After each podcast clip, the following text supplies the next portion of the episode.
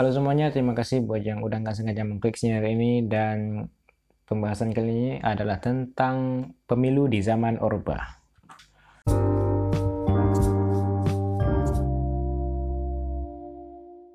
Nah, buat anak-anak muda nih yang nggak merasakan kayak gimana zamannya Orba gitu kan, apalagi merasakan pemilunya, atau yang masih kecil ketika di zaman Orba. Nah, kalau aku kan lahirnya setelah zaman Orba ya, pokoknya nggak tahun 2000 deh. uh, penasaran nggak sih kalian tuh gimana uh, pemilu yang terjadi di zaman Orba sehingga uh, Pak Soeharto itu bisa berkuasa selama 32 tahun gitu? Penasaran nggak sih gimana gitu? Sampai-sampai bisa kayak gitu. Pasti ada beberapa peraturan yang contohnya tidak membatasi uh, masa jabatan demokrasinya yang kebablasan gitu kan karena kan demokrasi itu membatasi kekuasaan bukan kekuasaan yang unlimited bisa dipilih lagi bisa dipilih lagi gitu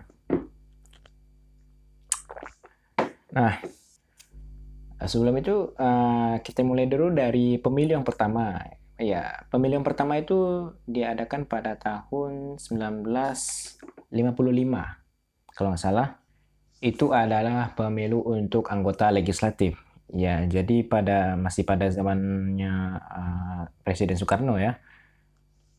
Dan uh, ketika itu ya pemilu legislatifnya ada DPR dan anggota Dewan Konstituante namanya dan ya berjalan dengan buruk sekali sehingga pada tahun 1959 uh, presiden pun Presiden Soekarno memutuskan untuk membubarkan Dewan Konstituante dan DPR. Jadi uh, sekarang kita masuk uh, ke gerbangnya zaman Orba yang mana uh, zaman Orde Baru ini terjadi karena adanya pemberontakan G30 SPKI dan di situlah uh, Presiden Soekarno memberikan mandat kepada Jenderal Soeharto untuk menyelesaikan masalah pemberontakan PKI ini. Dan ya bisa dibilang terbilang sukses uh, uh, Pak Soeharto menjalankannya pada masa itu dan akhirnya uh, dia sepertinya mendapatkan dukungan untuk naik jabatan sebagai presiden dan akhirnya kejadian lah kan. Pada tahun 1968 dia diangkat uh, oleh MPRS uh, MPRS sementara untuk menjadi presiden pejabat presiden gitu kan. Dan seharusnya itu pemilunya dilakukan pada tahun 1968 tapi uh, dengan berbagai alasan dan uh, berbagai pertimbangan yang katanya untuk mengurus masalah undang-undang dan dokumen-dokumen segala macam akhirnya Presiden, Presiden Soekarno memutuskan untuk mengundurkan pemilu pada tahun 1971 yang mana itu kayaknya ya itu dipersiapkan untuk uh, memastikan bahwa Partai Golkar atau yang mereka tidak mengakui bahwa mereka itu adalah partai bisa menang ketika mengikuti pemilu pada tahun 1971. Contohnya dengan menyediakan Eh, beberapa kursi untuk uh, anggota militer di pemerintahan. Nah, setelah kekuatan militer mendapatkan kursi di parlemen, uh, rezim Orde Baru merasa bahwa itu tidak cukup untuk mengukuhkan uh, mereka di pemerintahan untuk waktu yang lama. Sehingga maka terciptalah golongan karya atau Golkar sebagai kekuatan politik untuk mendukung kekuasaannya. Meski tidak menggunakan nama partai politik. Oh ya, mereka tidak mengaku itu partai politik ya udahlah ya. Nah, desain pemilu 1971 itu memang dirancang untuk memenangkan Partai Golkar. Pertama, mereka menetapkan Menteri Dalam Negeri sebagai ketua lembaga penyelenggara pemilihan umum agar dapat mengatur kemenangan Golkar. Dan kedua, melarang pegawai menjadi anggota partai politik tetapi diwajibkan masuk dan memenangkan Golkar. Jadi ketika pada zaman uh, Orde Baru itu uh, keluarga Anda adalah PNS. Nah, ketika keluarga Anda adalah PNS, Anda tidak punya pilihan lain kecuali mendukung Golkar. Bayangkan dong, udah dapat suara banyak dari rakyat, plus dapat juga suara dari para pegawai negeri sipil, uh, udah pasti menang lah. Makanya uh, dari sistem itulah uh, pada zaman uh, Orde Baru Soeharto bisa mengukuhkan kekuasaannya ya. Dan kemudian yang ketiga, demi mengukuhkan Golkar dari tingkat nasional sampai provinsi dan kabupaten kota, Orde Baru pun menolak gagasan memisahkan pemilu nasional dengan pemilu daerah. Nah, jadi yang semulanya pemilu nasional nih dengan pemilu daerah itu terpisah, sekarang akhirnya digabung uh, sehingga terjadilah uh, penyatuan pemilu nasional provinsi dan kabupaten kota pada hari yang sama, yang kemudian dikenal dengan pemilu serentak legislatif. Nah, pada saat itu rezim mengemukakan alasan hemat anggaran. Tentu saja semua pihak setuju dengan alasan itu dong. Namun partai-partai politik tidak menyadari alasan sesungguhnya di balik penyerentakan pemilu nasional, provinsi, dan kabupaten kota. Mereka tidak tahu bahwa pemilu serentak legislatif itu akan memudahkan penguasaan Golkar atas semua kursi DPR, DPRD, DPRD provinsi dan DPRD kabupaten kota. Sebab dalam pemilu serentak legislatif, jika Golkar dapat menang di DPR RI, maka dengan sendirinya akan menang juga di DPRD provinsi, kabupaten dan kota. Sederhananya saja alasannya, sederhana saja alasannya, dalam pemilu serentak legislatif, pemilih pemilih ya, uh, pemilih itu cenderung memilih partai politik yang sama, meskipun lembaga meskipun lembaga yang dipilih beda gitu. Jadi kan uh, ketika pemilu orang tuh apalagi kampanyenya sama itu kan ketika mindset orang oh partai ini nih yang mau kepilih ya udah serentak aja pak pak pak pak semua dipilih gitu kan semua dipilih Golkar nggak ada mikir kayak track record orang ini gimana ya nggak ada nggak ada langsung aja pak pak, pak menang Golkar nah kenapa mendapatkan suara pada pemilu legislatif itu sangat penting uh, pada masa Orba karena pada zaman itu uh, orang tidak bisa memilih presidennya secara langsung.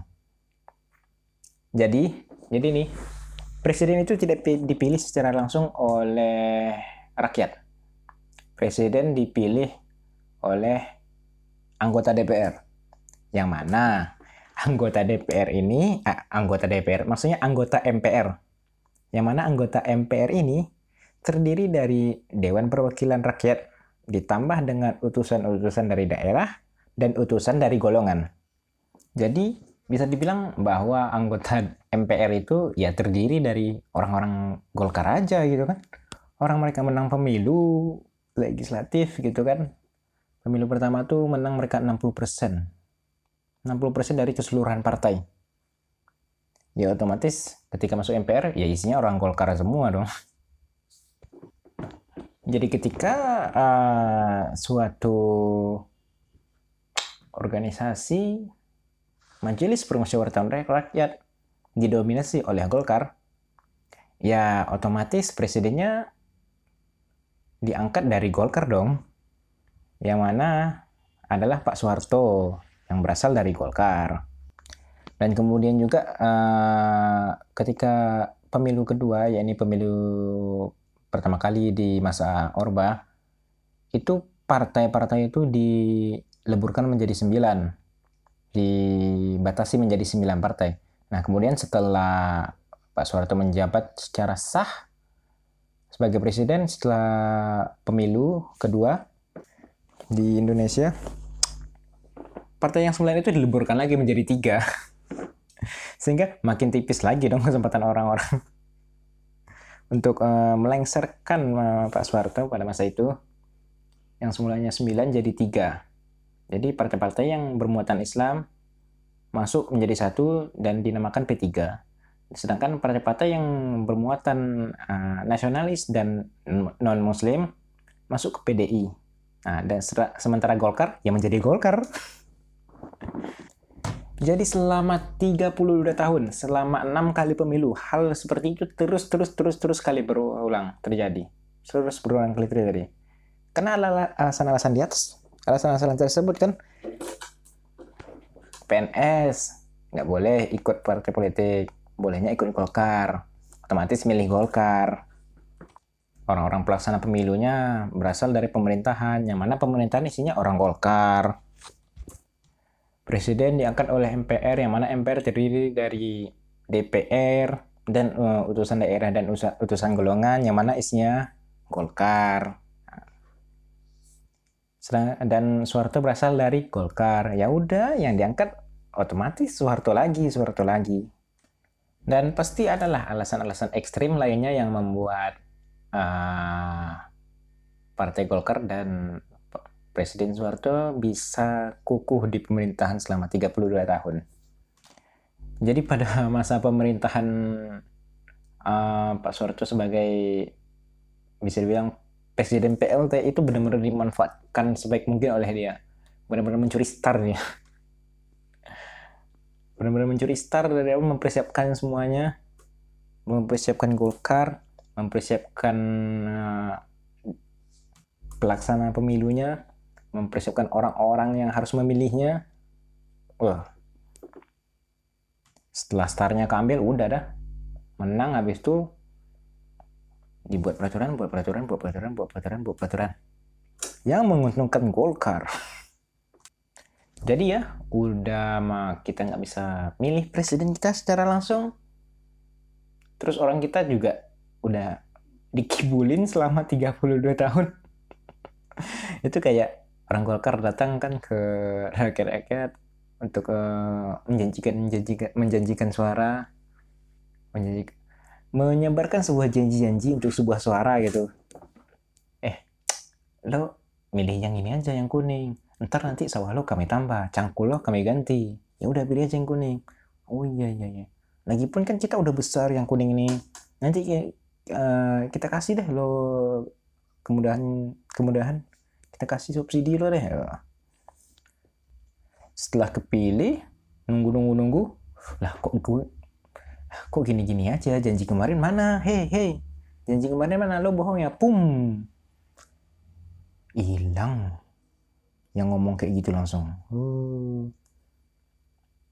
nah itu tuh salah satu cerita yang katanya uh, salah satu yang katanya uh, ekstrim ketika pada zaman Orde Baru ya.